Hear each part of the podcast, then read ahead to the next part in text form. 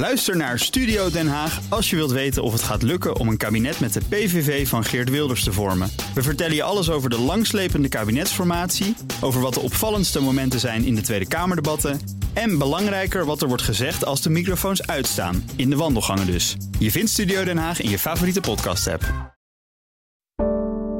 Een goedemorgen van het FD. Ik ben Pauline Suster en het is donderdag 25 januari.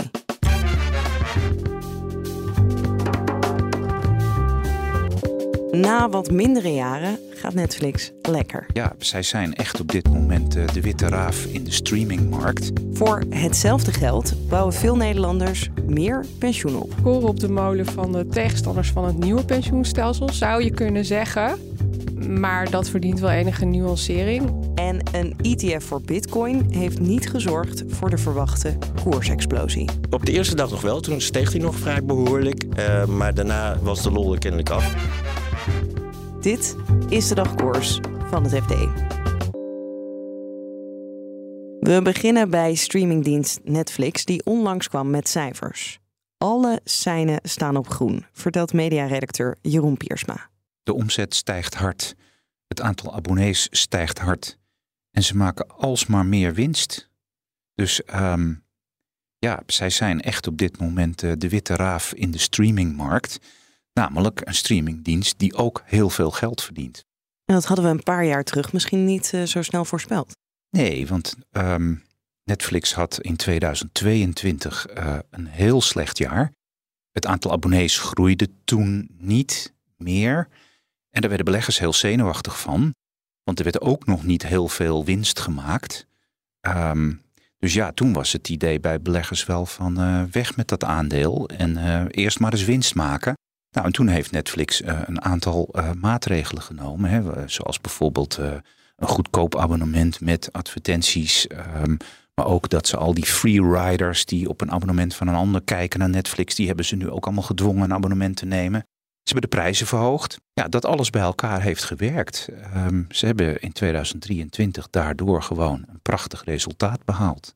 misschien nog, wel even het meest in het oog loopt is... Um, en, en, waarvan ik een paar jaar geleden dacht van dat gaat niet goed met Netflix... is dat ze toen um, echt ieder jaar een enorme hoeveelheid geld verbranden. Ze hadden een negatieve kaststroom.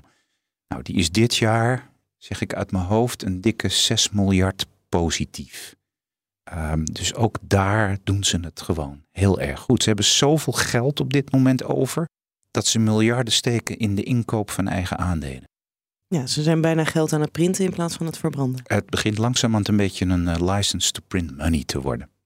En ze hebben nu ook besloten om uh, ja, de WWE, uh, Amerikaanse worstelcompetitie, om daar de rechten van te kopen. Wat kunnen we daarvan verwachten? Waarom hebben ze dat gedaan? Ze zijn bezig met um, meer live entertainment via um, het streamingplatform bij de mensen te brengen. Ze hebben voorzichtig iets met sport gedaan tot nu toe, maar, maar heel voorzichtig. Um, althans met live sport. Wat ze wel gedaan hebben is documentaires maken over bijvoorbeeld uh, het leven achter de Formule 1 uh, uh, wedstrijden. Dat is heel succesvol geweest, hè? Drive to Survive. Maar dit lijkt op het eerste gezicht dus dat ze groot in live sport gaan stappen. Um, ze steken er 5 miljard in voor 10 jaar. Maar die, een van die uh, Netflix-CEO's heeft uh, dinsdag in een toelichting op de cijfers richting de analisten gezegd van nee, je moet dit eigenlijk niet zien als live sport, maar als um, live sport entertainment. En dan ligt het dus meer richting Drive to Survive dan dat, het, nou ja, dat ze zeg maar Amerikaanse honkbalwedstrijden of basketbalwedstrijden gaan uitzenden. Ja, want dat zou een groter risico zijn als je dat doet, live sport. Nou, live sport zijn meestal kortlopende contracten, een paar jaar. En ehm, is heel erg duur om te kopen. En er wordt ook hard om geconcurreerd. Dus ja, je moet dan in een paar jaar tijd die uitgaves weer terug zien te verdienen. Zie je nou ook met Viaplay in Nederland? Nou ja, dat is een mooi voorbeeld van uh, een bedrijf wat zich heeft opgehangen aan sportrecht. Of althans een bedrijf, een streamingplatform dus. Wat heel erg ingezet heeft op, op sport. Um, ja, dat is niet goed gegaan. Dat hebben ze gewoon de afgelopen jaren niet terugverdiend. Met uitzondering van Nederland. Maar dat komt omdat Max Verstappen de afgelopen jaren natuurlijk heel populair was in Nederland. En ze met die F1-uitzendingen, live-uitzendingen van de F1-wedstrijden, hebben ze gewoon een miljoen abonnees met elkaar weten te harken. Wat zegt dit succes van Netflix volgens jou over de hele streamingmarkt als geheel? Kan de concurrentie dit ook bereiken? Nou ja, het is een nieuwe markt eigenlijk, hè, als je het over iets langere termijn bekijkt. En wat je vaak ziet met die nieuwe markten, zeker in het digitale domein, is dat er dan uh, een enorme race op gang komt om een stuk van die markt naar je toe te halen, zo groot mogelijk.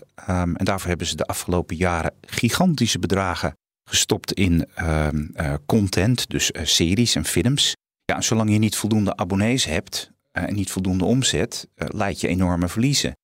En Netflix heeft dus nu het niveau bereikt dat ze voldoende omzet en abonnees hebben om um, nou ja, die investeringen ruimschoots terug te verdienen. Zover zijn die anderen nog niet. En het is nog maar de vraag of ze dat gaat lukken. Want vaak zijn dat ook weer mediabedrijven die daarnaast nog een klassieke tv-zender hebben, of zenders moet ik zeggen.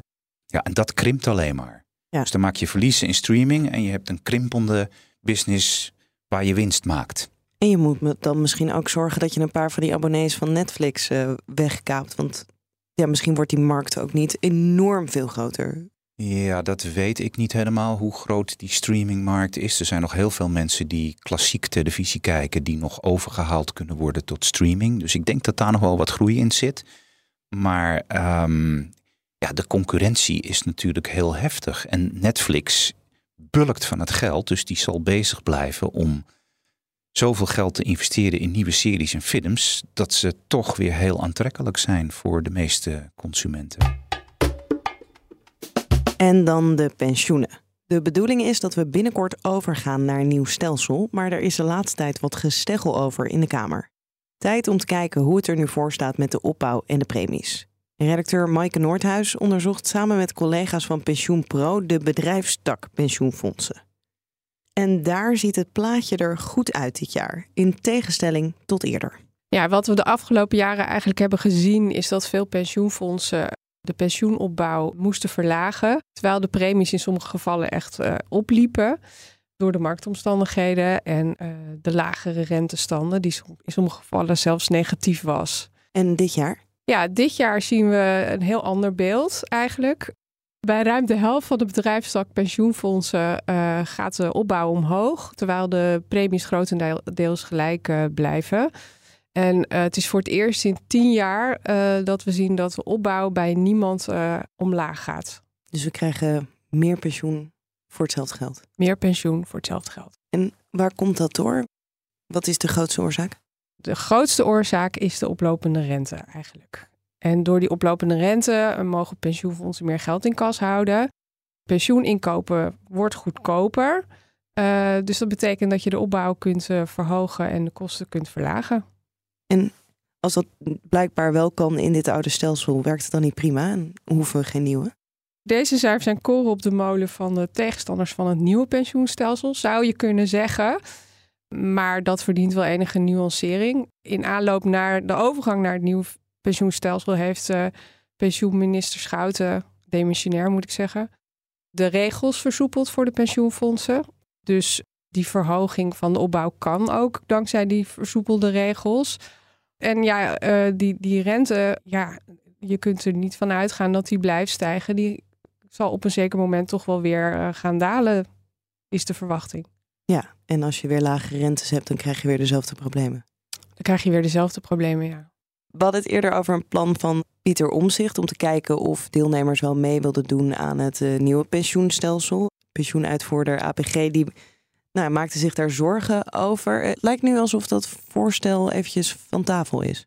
Hij wilde dat referendum inderdaad, waarbij deelnemers zelf konden kiezen of ze wel of niet gingen meedoen aan het nieuwe stelsel. Lijkt geen Kamermeerderheid voor te zijn. Ja, voorlopig is, staan die plannen ook even in de ijskast. Dus dat gaat uh, verplaatst naar de formatietafel? Waarschijnlijk wel. En tot slot de Bitcoin ETF. Die is onlangs goedgekeurd door de Amerikaanse beurswaakhond SEC. Maar na de lancering van die trackers is de Bitcoin-koers met 20% gedaald. Waarom? Dat hoor je zo van beursredacteur Joost van Kuppenveld. Maar eerst, wat is het, een Bitcoin ETF? Een Bitcoin ETF is een uh, beleggingsfonds, eigenlijk een soort van beleggingsfonds dat uh, Bitcoins aanhoudt. En dat wilden mensen omdat, uh, zeg maar, als je zelf crypto wil kopen, dan is dat heel ingewikkeld. Tenminste voor relatief digibeten zoals ik. En dus waarschijnlijk ook voor veel andere mensen. Je volgt dus eigenlijk de koers die de Bitcoin ook volgt met het fonds. Ja. En de SEC zei: het, het mag, het is er. Um, nou, dat, dat ging niet helemaal van harte. De, de SEC die wilde dat gewoon niet uit eh, oogpunt van consumentenbescherming. Maar ze hadden zich een beetje in de hoek geschilderd door een Bitcoin Futures ETF wel toe te staan. En toen zei de rechter van leg het verschil maar goed uit. En dat kon ze kennelijk niet. Ja, dus de Amerikaanse beurswaakhond zei oké, het mag. Uh, nu is het er ook. Gebeurde eigenlijk niet zo heel veel met de koers. Nou, op de eerste dag nog wel. Toen steeg hij nog vrij behoorlijk. Uh, maar daarna uh, was de lol er kennelijk af. En dat was wel heel erg op geanticipeerd. Door Bitcoin-fans vooral. Die, uh, die dachten van oké, nu kunnen heel veel beleggers er heel makkelijk in. En nu gaan de institutionele partijen ook instappen. En dat is, ja, dat is niet echt gebeurd. Nou, sterker nog, de koers omlaag gegaan van de Bitcoin. Ja, de koers ging heel hard omlaag. Maar er moet dan wel bij worden gezegd dat de koers sinds oktober vorig jaar heel erg was opgelopen met wel 80 procent. En uh, nou ja, dus, er zullen uh, ongetwijfeld wat uh, winstnemingen gedaan zijn. Tenminste, dat vertelden de mensen die ik bij daarover belde. Nou is de koers van de bitcoin omlaag gegaan, maar er zijn wel redelijk wat mensen in die bitcoin ETF's gestapt alsnog. ja, dat is waarschijnlijk ongeveer 1 miljard netto, want er is ongeveer 4,7 miljard ingestroomd en 4 miljard uitgestroomd uit al die ETF's. Dus dan hou je ongeveer een kleine miljard aan eh, netto instroom over, zoals dat heet. En waarom ging die 4 miljard eruit? Dat was een één ETF. Dat was, voorheen was dat een soort van uh, gesloten beleggingsfonds waar je uh, alleen uit kon uh, op basis van wat de gek ervoor gaf in plaats van de intrinsieke waarde. En die wilden graag een ETF worden. En die hebben uiteindelijk ook de SEC aangeklaagd en gewonnen. En uh, nou ja, de beleggers die daar zaten, die zaten daar met een enorm discount in. En sommige mensen die wilden daar wel uit, maar niet tegen 50% korting. En dus hebben ze gewacht tot het een ETF was, konden ze tegen intrinsieke waarde eruit en zijn toen meteen uh, weggegaan.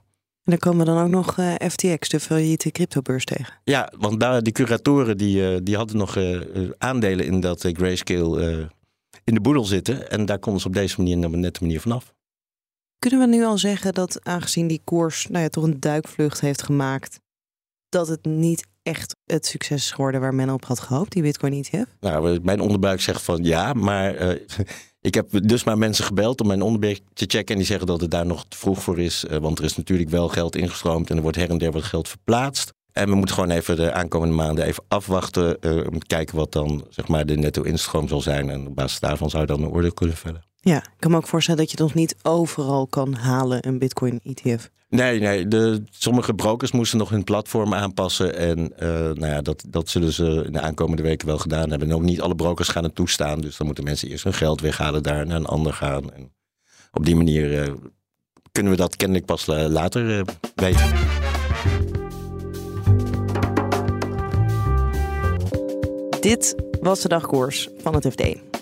Wil je onze verhalen niet alleen luisteren, maar ook lezen? Probeer dan het FD vier weken voor slechts 1 euro.